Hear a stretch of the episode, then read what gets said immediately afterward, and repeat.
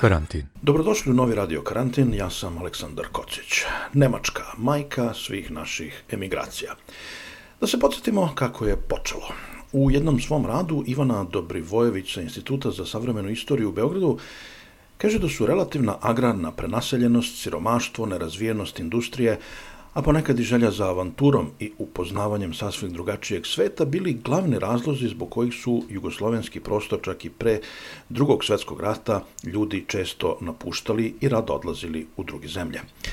Relativna liberalizacija i slabljenje komunističkih dogmi i stega, ekonomska kriza koja ju je pratila gotovo dramatična nezaposlenost, nizak životni standard i nerešeno stambeno pitanje, Veliki pritisak na gradove, mnoštvo nekvalifikovanih radnika doveli su do daljih migracijskih procesa. Vrh komunističke partije, koji u početku odlazak u zemlje zapadne Evrope smatrao izdajstvom, blagonaklono je gledao na gotovo stihijsko iseljavanje, pre svega radnika sa jedva završenim ili nezavršenim osnovnim obrazovanjem. Više od milion ljudi, uglavnom nekvalifikovanih radnika, pretežno iz ruralnih sredina, pritisnutih besposlicom i siromaštvom i podstaknutih hollywoodskim filmovima i pričama o boljem životu, napustilo je Jugoslaviju tokom 60. i 70. godina. Ubrzan privredni rast zapadnoevropskih zemalja, pre svega tadašnje SR Nemačke, Potreba za velikim brojem nekvalifikovanih radnika, zainteresovanih za teške fizičke poslove koje je domaća radna snaga izbegavala, išli su na ruku ovim migracionim kretanjima karakterističnim ne samo za Jugoslaviju, već i za ostale nerazvijene evropske zemlje, Grčku, Španiju, Portugaliju, Italiju i Tursku. Krajem 50. i početkom 60. godina Jugosloveni su na zapad odlazili stihijski po preporuci prijatelja i rođaka, gotovo ne razmišljajući o svim neprijatnostima na koje bi neuki bez znanja jezika u novom svetu mogli da naiđu. Odlazilo se posredstvom raznih lica ili firmi sa garantnim pismima za posetu ili rad koja su se u najvećem broju slučajeva kupovala na crno.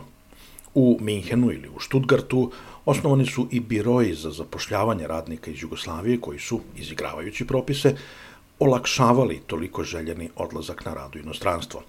Strane firme su otvoreno tražile jeftinu radnu snagu u Jugoslaviji, pa su neretko oglasi sa ponudama za posao objavljivani u domaćim listovima, ali i na oglasnim tablama pojedinih ambasada.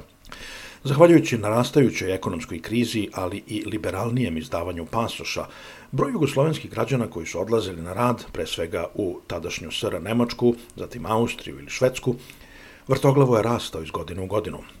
Tendencija rasta se naročito osetila 1961. kada je samo u SR Nemačkoj broj jugoslovenskih radnika u odnosu na 1960. godinu uvećan za čitavih 127%. U prvom migracionom talasu najviše ljudi odlazilo na rad iz Hrvatske i Slovenije, a daleko manje iz Srbije ili Bosne i Hercegovine. U Nemačkoj su jugoslovenski radnici posao uglavnom nalazili u dve najjače industrijske oblasti, Baden-Württembergu i Severnoj Rajni Vestfaliji, pa su pojedine fabrike zapošljavale i po više stotina njih. Jugoslovenski gastarbajteri u Nemačkoj pronalazili su posao u metalskoj i prerađivačkoj industriji kao i u građevinarstvu. Radio Karantin. Danas Nemačka ponovo širom otvara vrata radnicima iz drugih zemalja i u zemljama bivše Jugoslavije sve više se priča o novom emigrantskom talasu. Zato smo se odlučili da ovaj serijal počnemo pričama baš iz Nemačke, a istoriji gastarbajterstva vratit ćemo se kasnije u posebnoj emisiji.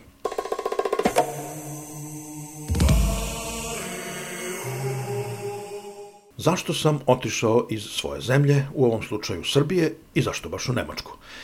Naši dosadašnji gosti kažu da su otišli zbog loše političke situacije i nemogućnosti da se bave svojim poslom u Srbiji. Moja današnja gošća je Talija Milošević, biohemičarka koja živi i radi u Minhenu. I nju sam na početku razgovora pitao da mi kaže zašto je odlučila da ode iz Srbije i zašto baš u Nemačku. Verovatno moje priča počinje još 90. godina. Znači, um, rođena sam i odrasla sam u Beogradu i 90. godine počinje um, taj vrlo loš period za sve nas. I meni su se isto na privatnom planu dešavale um, neke tužne stvari. Moj otac je preminuo 92. godine On je bio akademski slikar i počela je neka sudska bitka sa jednim delom njegove porodice. Ja sam jedino dete, međutim, da ne ulazim u detalje, provela sam godine u tim 90. po sudovima, što je bilo jedno vrlo neprijatno iskustvo. Znači, naučila sam da je kod nas se pravo kupuje, kupuje novcem i mislim, bilo je zaista neprijatnih iskustava. Pored svega toga sam imala i nekih zdravstvenih problema, tako da sam došla u kontakt sa zdravstvenim sistemom 90-ih i to je bilo dodatno nešto što me je bukvalno izmrcvarilo. Imala sam jednu a, prednost da sam bila jako dobar učenik, znači bila sam, sve mi je išlo. Mogla sam i želela sam da studiram književnost, mogla sam da studiram jezike, a voljela sam i nauku. Međutim, moja mama je nekako uvek želela da ja odem u inostranstvo. Znači uvek mi je govorila studiraj ono što, od čega ćeš imati koristi, od čega ćeš moći da ideš na zapad. To je bila njena čuvena rečenica.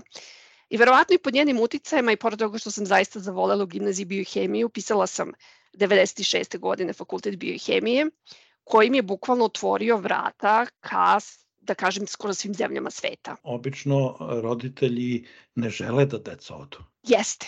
Znači, moja majka je zaista tu bila jasna dete gledaj da studiraš ono što mož, čime možeš da odeš na zapad. To je bila ovi njena želja. I kad god sam joj rekla, na primjer, da, ću, da bi žela da studiram književnost ili istoriju umetnosti, um, ona je rekla od toga nećeš bit ćeš gladna, šta ćeš s time da radiš. Tako da, zaista imala taj uticaj na mene. Imala sam i ja želju, izmrcvarena bukvalno tim privatnim i ličnim iskustvima 90-ih i svim tim ratovima, nesigurnošću, um, lošim pravnim, zdravstvenim sistemom. Mislim, zaista sam žela da probam kako to izgleda živeti negde drugde. Ali mislim da je moja mama sa sa njenim uticajem da jednog dana probam život na zapadu odigrala vrlo važnu ulogu. Ja sam zapeo na PMF-u Aha. na, na drugoj godini matematike i kad nisam znao šta ću, onda je moja majka rekla pa idi malo u London, tamo je bio Pera Mika Laza, idi vidi kako će, malo se izdvoj. I ja sam otišao, bio šest meseci i onda mi je ostao crv. I dopalo mi se, vratio sam se i tako dalje, ali sam da, posle dve godine otišao i slučajno ostao, tako da i ja sam na neki način zahvalan mojoj majci ovaj, na, na ubačenoj ideji može da se kaže da ste otišli pre iz neke uh, zbog nezadovoljni opštom situacijom u zemlji može da nego se kaže, nego u da. potrazi za boljim standardom. Jedno i drugo, um, mada mislim da standard proizilazi iz ovog prvog. Znači, nisam iz imućne porodice. Ta, nisam nikada, nisam ni osoba koja je materijalna sredstva um, su neki prioritet u životu. Međutim, pravna, politička, socijalna sigurnost je ono što, što meni dosta znači. Jer upravo u mom odrastanju, kad je 92. godine kada je umro moj otac i kada su počeli ratovi, ja sam imala 15 godina. E, znači, celo to moje neko tineđersko odrastanje je bilo obeleženo upravo tim nesigurnostima. I mislim da sam više u potrazi a, za za političkom sigurnošću otišla nego za nekim standardom. Ja nisam ni znala kakav je standard na zapadu. Ono što jesam znala to je da da vrhumskom naukom ne mogu da se bavim u, u Srbiji. Ali to, to je naravno tek kada sam studirala i kada sam um, videla kakvi su uslovi kod nas, pogotovo u biohemijskoj nauci, na institutima, na fakultetu. Naravno um, i stručno sam saznala da mogu da se ispunim mnogo više na zapadu nego što mogu u Srbiji. Tako da mislim da su sve to neke komponente koje su dovele do toga da donesem odluku i probam uh, svoj put ovde na, u Nemačkoj na zapadu. Da li mislite da je 90. godina bilo lakše prelomiti nego danas? To je dobro pitanje. Mislim, ja sam otišla 2002. godine. Znači, otišla sam u periodu kad je bilo dosta optimizma. Mm -hmm. A, meni su čak neki ljudi rekli, pa zašto sada odlaziš, sada se vraća u Srbiju? Ali jednostavno ja sam tada završila svoj fakultet i mislila sam, ok, sada je vreme, uh, vreme da probam. Mislim da možda je bilo lakše odmah nakon tih um, 90-ih, mada bilo je dosta ljudi koji su upravo mislili da se sada ne ide, ne ide iz zemlje. Mislim da je dosta ljudi koji su 90-ih želeli da, da odu 2000. godine ostalo. Mislim da je sada pesimizam u Srbiji veći nego kad je bio kada sam ja odlazila. Tako da u stvari nije bilo lakše otići 2002. Mislim da je sada lakše otići. I mislim da se sada, ja kao biohemičar sam mogla da odem 2002. mogla sam da odem u bilo kom trenutku, nama su sva vrata bila otvorena. Mislim da se sada, usled nedostatka radne snage u Nemačkoj i u drugim zapadnim zemljama, vrata još lakše otvaraju za mnoge struke. Nažalost, ovde gde sam ja je obrnuto. Ovo je Fortress Britain i jako je teško. Ne kažem da nema, evo ja znam par ljudi koji su došli nedavno, ali upravo je obrnuto u odnosu na Nemačku. Kad sam ja došao, kad su dolazili ljudi pre 20 godina, bilo je mnogo, mnogo lakše ući, srediti se i ostati nego danas. To je verovatno zbog Brexita, jeli? Oni su zatvorili, mislim, jedna od važnih e, kriterija, ili da kažem, razloga za Brexit je bio imigracija. Jeli? Tako da mislim da tu ima razlika, ali Nemačko nedostaje radna snaga, tako da mislim da se vrata otvaraju našim ljudima, dok a početkom 2000-ih je to bilo moguće samo za određene ovaj, struke. Jel vam se čini da, pošto sigurno znate i druge ljude iz bivše Jugoslavije koji su otišli, da nekako kod nas je uvek taj kontekst političke situacije neizbežan. Mm -hmm. Redko ko će da kažem, a meni je tamo bilo super, ja sam samo hteo nešto drugo. Ja sam živeći u Španiji, nakon Britanije, poznavao puno, upoznao puno Amerikanaca, Australijanaca, Britanaca koji su u Španiji. I nikad nisam to čuo. Ja sam pobegao, nego rešio da probam nešto drugo, zaželeo se novog ili daj da vidimo ovaj, malo kako je živeti pod suncem, tako da su zato došli u neku Španiju, ali nema taj ono kao, e, ovde je kriza, ovde je očaj i ajde, zato smo otišli. Aha, mislite na ljude koji su koji menjali, otišli. koji su otišli, ali iz zapadnih zemalja, ne na naše da, ljude. Da, da. Da, da, da to ne postoji. A, a kod nas je uvek taj kontekst, nažalost. Da, da. Dobro, ja sam u Minhenu se kaže da ljudi koji su rođeni u Minhenu vrlo redko napuštaju Minhen, ali uh, mislim i u laboratoriju koju sam radila doktorat je bilo ljudi svih nacija. I u principu je upravo to. Želim da vidim nešto novom, želim da naučim drugo društvo, želim da vidim, imala sam dečka sa Malte koji žela da nauči, da, to je da vidi sneg. Nikada nije vidio sneg na Malti. Tako da, mislim, zapadno društvo je dosta mobilno, oni se sele, oni zato i ne kupuju stanove, znači to je skoro društvo drugačije, oni ne znaju gde će biti za dve godine, oni jednostavno žele da upoznaju svet. Ali većina naših ljudi upravo ode iz političkih situacija u potrazi za boljim životom, zato što žele da jednostavno mirno žive, da imaju svakodnevne probleme kao što imaju ljudi na zapadu, a ne velike, bitne probleme, političke probleme. Jeste u startu znali da ćete u Nemačku? Ne, nisam. Interesantno, ja sam na poslednjoj godini fakulteta, znači 2001. sam imala mogućnost da odem u Rusiju, u Moskvu. To je preko jednog udruženja IST koje je bilo samo za studente koji imaju prosek preko 9 i mogla sam da odem u Moskvu, što je bilo, niko nije drugi hteo da ide moji su prijatelji izabrali Švajcarsku, Nemačku, Argentinu, znači u sve druge zemlje. Ja sam nekako uvek voljela Rusiju kao ideju, voljela sam kulturu, književnost i mislila sam super je prilika. Moskva mi se dopala naravno kao grad, divlja zemlja, divna zemlja Rusija, ovaj, bila sam u Moskvi, u San Peterburgu, posetila sam divne stvari. Međutim, shvatila sam kao prvo stručno da ne mogu da se ispunim u toj zemlji i da su politički, socijalni i zdravstveni sistem sve ono što je meni važno um, na istom, ako ne i na gorem nivou nego što je to bilo u Srbiji. Tako da sam shvatila da u Rusiji neću da nastavim svoju karijeru i svoj život, ali je zanimljivo da sam upravo u Rusiji upoznala dosta ljudi iz Nemačke, iz Holandije, Francuske i samo nekoliko meseci posle mog boravka u, u Moskvi, u kojoj sam provela dva meseca, sam prvi put otišla u zapadnu Evropu i to baš bio Minhen. To je bukvalno bila igra slučaja. Pozvana sam na Oktoberfest od strane tih mojih prijatelja i veoma mi se dopao Minhen. Opet igrom slučaja, znači ja diplomiram mesec dana nakon Oktoberfesta i počinjem da tražim oglase na zapadu. Bila sam se čak prijavila i u Londonu na, na PhD, na doktorat, međutim oni su tražili da, da to finansiram sama. I dobila sam tu još nekih par ponuda, međutim najviše mi se dopala ponuda iz Minhena. Znači sve mi je bilo plaćeno, doktorat, mogućnost da mi nađu stan i super tema. Tako da eto, igrom slučaja, nekom srećom je upravo bio Minhen, um, grad u koji sam stigla. I nisam, nisam imala neki plan šta će biti posle toga. Ja sam došla u Minhen misleći, ok, probat ću, završit ću ovaj doktorat.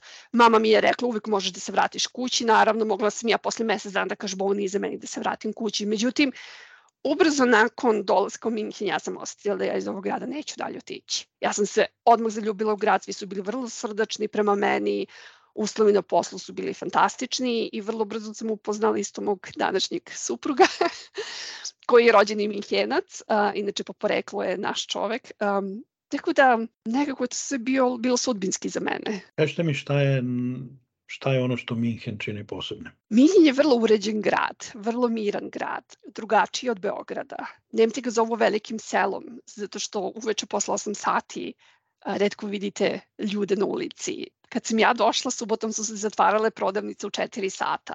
Nedeljom ništa ne radi. I meni je taj mir mnogo odgovarao i od kad sam došla još uvek. Pored toga je jako zelen grad sa puno parkova, divne prirode. Imamo preko 50 jezera u okolini Minhena. Naravno, standard je odličan, to je jedan od najbogatijih gradova u, u Nemačkoj. E, za moju struku nudi jako puno mogućnosti, dosta je tražena, jednostavno ceo taj duh u Minhenu, prisustvom ljudi iz različitih nacija, različitih etničkog porekla, sve to zajedno čini Minhen predivnim gradom. U kojoj meri su se vaše očekivanja o Nemačkoj, ako ste imali bilo kakva očekivanja, ispunila? Nisam imala konkretna očekivanja. To mojom posetom kratkom u Minhenu pre dolaska sam videla da je to neverovatno čist grad. Ja sam hodala po trotoaru i nisam mogla da verujem. Meni je to bilo nešto neverovatno da se nalazim u velikom gradu veličine otprilike kao Beograd da je toliko čist ali nisam imala konkretno očekivanja kako izgleda živeti u tom gradu. Međutim, mislim da su se sva moja očekivanja, čak i da je Minhen prevazišao sva moje očekivanja. Znači, neverovatno sam srećna što, sam, što imam ovako lep život u Minhenu. Možda sam subjektivna, mislim, ali ja sam zaista zadovoljna i presrećna i zahvalna i ovom gradu i ovoj državi na tako divnom životu. To je sve što mogu da kažem. Jel imate neka neispunjena očekivanja o Nemačkoj ili o Minhenu? Neispunjena očekivanja je preka reća nemam. Naravno ima nekih stvari koje se možda meni ne sviđaju, ali to su sitnice, tipa moja čerka je u gimnaziji, oni vrlo malo čitaju u gimnaziji. Mislim, oni su do sada pročitali jednu knjigu. U celom školstvu mi u školi čitamo više. Znači ima nekih takvih stvari na svakodnevnom nivou gde kažem čekaj, ali da ne bi bilo bolje da malo to rade, ne znam, sliči nego što smo mi to radili. Ima naravno nekih stvari, ništa nigde nije savršeno, ali mislim da na generalnom nivou ne postoji ni jedno očekivanje koje sam imala da se nije ostvarilo. To je jako lepo čuti. Pa jeste. Kakvi su Bavarci? A Bavarci su super, oni su opušteni, oni su duhoviti, to je skroz drugi narod nego što je narod u Severnoj Nemačkoj. Oni su bliži Austrijancima. Ljudi koji ovde, na primjer moj svekar, on je ovde došao još 60-ih, um, On je uvek rekao da su bavarci najsličniji nama, imaju super hranu, jedu dosta pečenja, piju pivo. E, pričamo malo drugačiji nemački, nije ga lako razumeti, ali su u svakom slučaju srdačni, srdačni ljudi. Ja nisam znala na nemački kad sam, kad sam došla, ja sam doktorirala ovde na engleskom, a, međutim, a, naučila sam ga ovaj, i potrudila sam se baš da ga naučim brzo, jer kako ću da živim u zemlji jezik ne razumem, a, moj suprug um, koji je ovde rođen se nije družio sa jugosima, sa našim ljudima, on sa svojim sestrom priča na nemačkom, tako da sam i morala da ga naučim i naučila sam ga brzo, ali bavarski još uvek imam problema da razumem i to je tačno kada gledamo neki film bavarski, on je titlovan. Kaže se, ona stara izreka je, da li je to Orwell ili ko je, da je život prekratak da bismo učili nemački. Koliko je, koliko je stvarno teško ili nije teško naučiti nemački da pređete onu granicu kad, kad se više ne osjećate malo skučeno sa jezikom. Mislim da je nemački jezik koji se uči, koji mora da se uči intenzivno. Ne može da se uči pola sata na dan.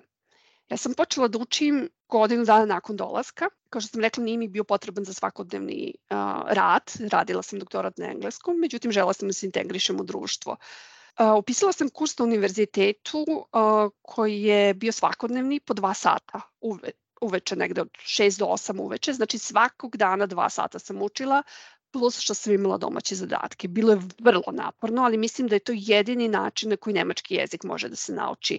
Vrlo intenzivno, uklapanjem u društvo, gledanjem emisija na televiziji, čitanjem novina, potrebno je dosta, dosta truda. Mislim da su drugi jezici mnogo lakši da se nauče nego nemački. Bitno je osloboditi se, pričati, svi mi pravimo greške, ja nakon 20 godina pravim greške, ali Nemci su na to naviknuti. Ovde toliko ima stranaca i svi pravimo greške dok pričamo, da je to za jednog Nemca normalnost. primećujem da je našim ljudima vrlo teško da se otvore i da počnu da pričaju, ali to je najvažniji korak u učenju jezika. Ono što pomaže je isto ako se zavoli jezik. Nemački nama često zvuči grubo, međutim jezik je jako precizan i možda kao naučnik ja posebno cenim upravo tu osobinu. Toliko je precizan da ja često ne mogu da nađem reč u srpskom odgovarajuću nekoj nemačkoj reči. Ako se zavoli jezik, onda je mnogo lakše i da se nauči. Evo, rekli ste 20 godina ste u Nemačkoj. Koliko mislite da je potrebno vremena da neko pređe onu nevidljivu granicu od radnika u inostranstvu do građanina u inostranstvu? Mislim da to zavisi od osobe, od tipa osobe. Mislim da zavisi od spremnosti osobe da se prilagođava, da se menja. Svi mi dolazimo u jednu sredinu koja je drugačija skroz od, od naše kuće. Drugačije po pitanju svega, drugačije po pitanju hleba koji jedu, po kulturi, a, drugačije je po naravno jeziku, drugačije po piću koju piju. Znači, potrebna je jedna radoznalost, otvorenost, tolerancija prema ovome društvu da bi se čovek navikao. I mislim da je vrlo teško dati um, neki veremski period u kome se taj proces dešava.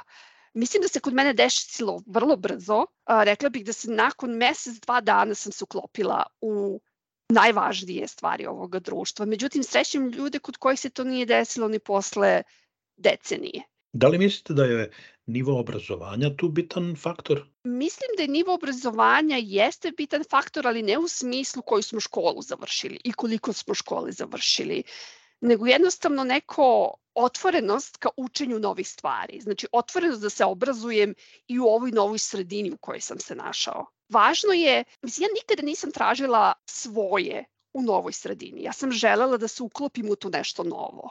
Družiti se sa, sa Nemcima i sa drugim nacijama koji su ovde, čitati njihove novine, gledati njihovu televiziju je najvažniji korak u integraciju bilo koje društvo, pa čak i u nemačko društvo. I naravno da je jezik važan za to. Ja vidim da ljudi posle godina boravka ovde još uvek traže lekare koji pričaju srpski i nikad nisam razumela tu potrebu. Lepo je popričati sa našim verovatno je sigurnost, ljudi se osjećaju sigurnim kada, kada imaju svog čoveka ispred sebe. Kad kažem svoj, mi smo ovde svi svoji, i Srbi, i Hrvati, i Bosanci. To, to, mislim, te razlike postoje dole, one ne postoje na zapadu. Ali mislim da je mnogo lakše, pogotovo kada um, želim ovde da pustimo korene, kada dobijemo sutra decu. Ja moram da se osjećam i sigurnom kada čitam pismo iz škole od moje čerke. Ja moram tačno da znam što oni od mene žele.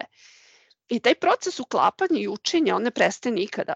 Kada je moja čerka, kada se rodila 2010. godine, za mene je počelo opet novo poglavlje. Ja sam morala da naučim milion novih stvari. Kakav je ovde sistem što se tiče obdaniša, što se tiče škole. Ja učim svaki dan od nje nove stvari. Njihov sistem školstva je skroz drugačiji od našeg. I to moje uklapanje u društvo i dalje traje. I trajeće zauvek. To jest, dok god živim u, u Minhenu, a nemam nameru nigde da idem iz Minhena. Vas pitam zato što evo, ja sam isto spojio sa spojio 20 godina u Britaniji.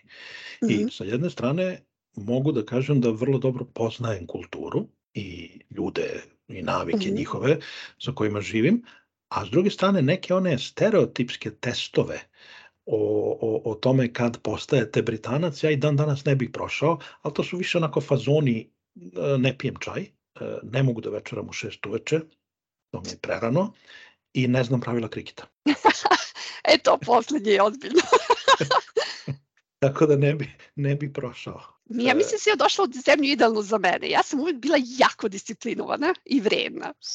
Uh, mene su ovaj, na fakultetu iz šale zvali kao da su me odgajali Nemci. Baš sam bila onako uvek prva bila i nikad nisam zakasnila niti u školu niti na fakultet. Jednostavno sam takva osoba. I verovatno sam došla u društvo u, ko, u kome se tako nešto isto i ceni i vrlo sam se lako uklopila. Mislim da bih se ja, kakva sam osoba, teže uklopila u Španiji ili u Italiji, opet se služim nekim stereotipima, um, nego što je u Nemačkoj. Mislim da je Nemačka baš bila idealna za mene, kakva sam po karakteru. A kad ste spomenuli sitnice neke, šta vas, mm -hmm. na primjer, ono, šta vas nervira, ako ima? Meni je, ima. meni je, to se sećam, to mi uvek ostane, meni je prvi šas, ja sam došao ovde kao pušač, odavno ne pušim, ali došao sam ovde kao pušač i prvi put kad sam se grebao za cigaretu, sećam se mog šoka kad mi je čovek izvadio jednu cigaretu iz pakle i dao, a nije mi ponudio paklicu, mm -hmm. da ja sam izvadim, i jedna osoba koja mi je tražila 10 penija za cigaretu. To znam da. da mi je bilo kao, daj bre čoveče, gde ste vi živite? To su gluposti, ali ostanu nekako, aha, ok, dobro, tu se razlikuje. Tu se razlikujemo, jeste. Ovaj. Mislim da nisu tako ekstremni kao po pitanju, ono što sam čula, na primjer, holandjani koji traže da kad dođete na večeru im platite i deo struje koji su potrošili, međutim, bila sam u principu iznenađena postojanjem odvojenih računa u restoranu. Nas i dan danas kad ja i suprug i, i, i moja čerka jedemo u restoranu piti odvojeno ili zajedno, pa kako mislite da ćemo da plaćamo odvojeno kao porodica? Međutim, toga ima. Moj prijatelj Nemac i dan danas ne priznaje svoje žene, to jest ne komunicira sa svojom suprugom o tome kolika mu je plata. Njegova supruga ne zna veličinu njegove plate, niti on zna koliko njegova supruga zarađuje.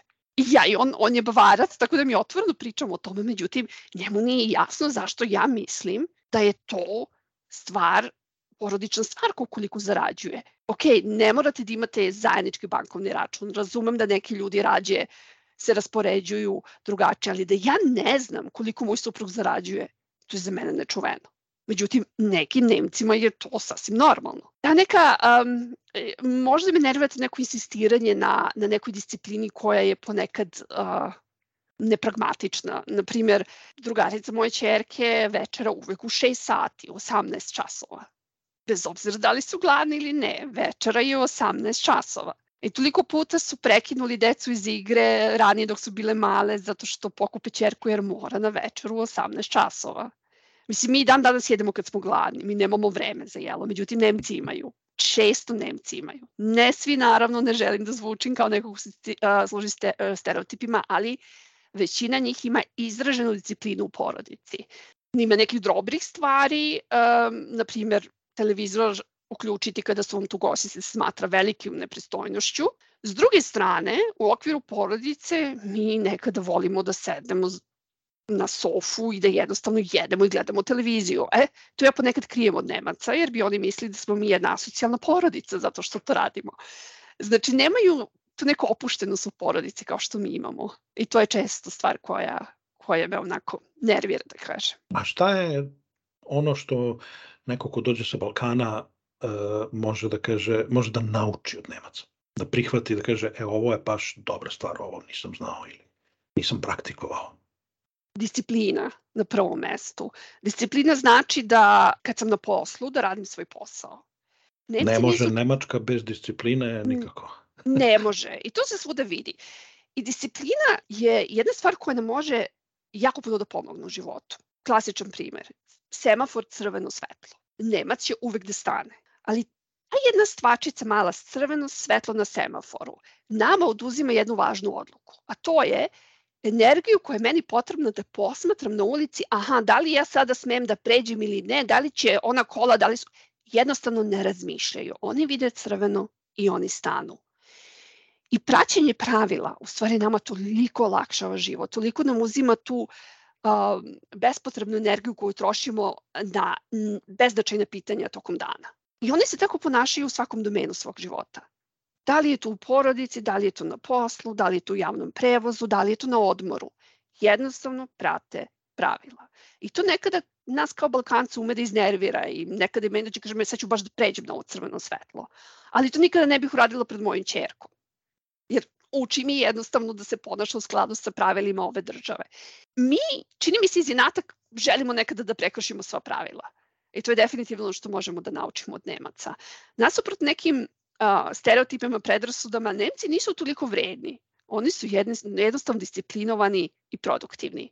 Oni koriste svoje vreme koji su na poslu da završe svoj posao i odlaze zadovoljni kući. Sad ste me podsjetili, moji dobri prijatelji iz Nemačke, pa su dolazili često dok sam živeo u Londonu i sad ste me podsjetili tačno kako su oni zgroženo gledali ljude oko sebe koji prelaze na crveno bez ikakvih pardona i problema, jer ovde se ne poštuju semafori toliko. Ok, ovaj, da. Da, pogotovo ovde u Škotskoj i vozači ne poštuju mnogo crveno svetlo. Meni je ovde bilo, eh, ako mogu da kažem šta sam naučio od Britanaca, to je ljubaznost, ona tradicionalna po kojoj su poznati u celom svetu i preduzetnički duh. Mhm. najameričkija nacija u tom smislu, Jeste. ja mislim u Evropi. Ovaj, koliko ovde ljudi pokreću neke biznise, počnu, propadne, ide dalje, nas, nema problema. Ste me posjetili šta me, šta me još nervira, jer o tome nisam dugo razmišljala, nervira me ponekad preterana politička korektnost. To je trend koji se gotovo javlja poslednjih godina. U Nemačkoj trenutno menjaju čak i njihov jezik, koji kada se govori u, u množini ne dozvoljava, uh, ne dozvoljava da se jednom rečju pokrije muški i ženski pol. Tako da oni sada menjaju da to bude moguće. Znači, ako kažemo doktori, kod nas to podrazumeva da su žene i, i muškarci, kod njih je to a, množina jednostavno ne dozvoljava da se oba pola podrazumevaju, tako da oni menjaju čak i njihov, a, njihov jezik. Nemice smatraju nepristojnim ukoliko ih muškarac pita da im pomogne oko prtljaka. Dok ja to očekujem od muškarca. Po tome sam ostala balkanka. Ja volim da je muškarac džentlmen, dok se to ovde smatra nepristojnom karakteristikom. Ja volim da mi muškarac otvori vrata u Nemačkoj, međutim od Nemca to neću doživeti.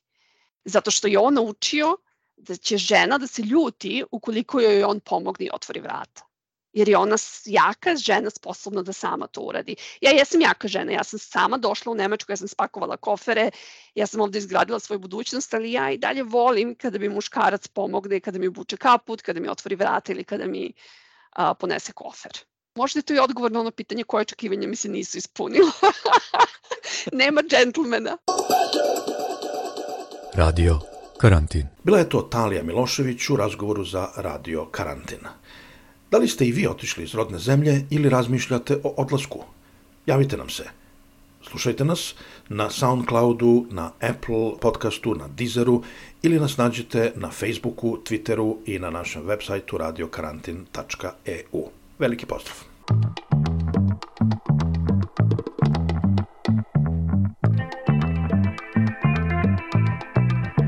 Radio karantin.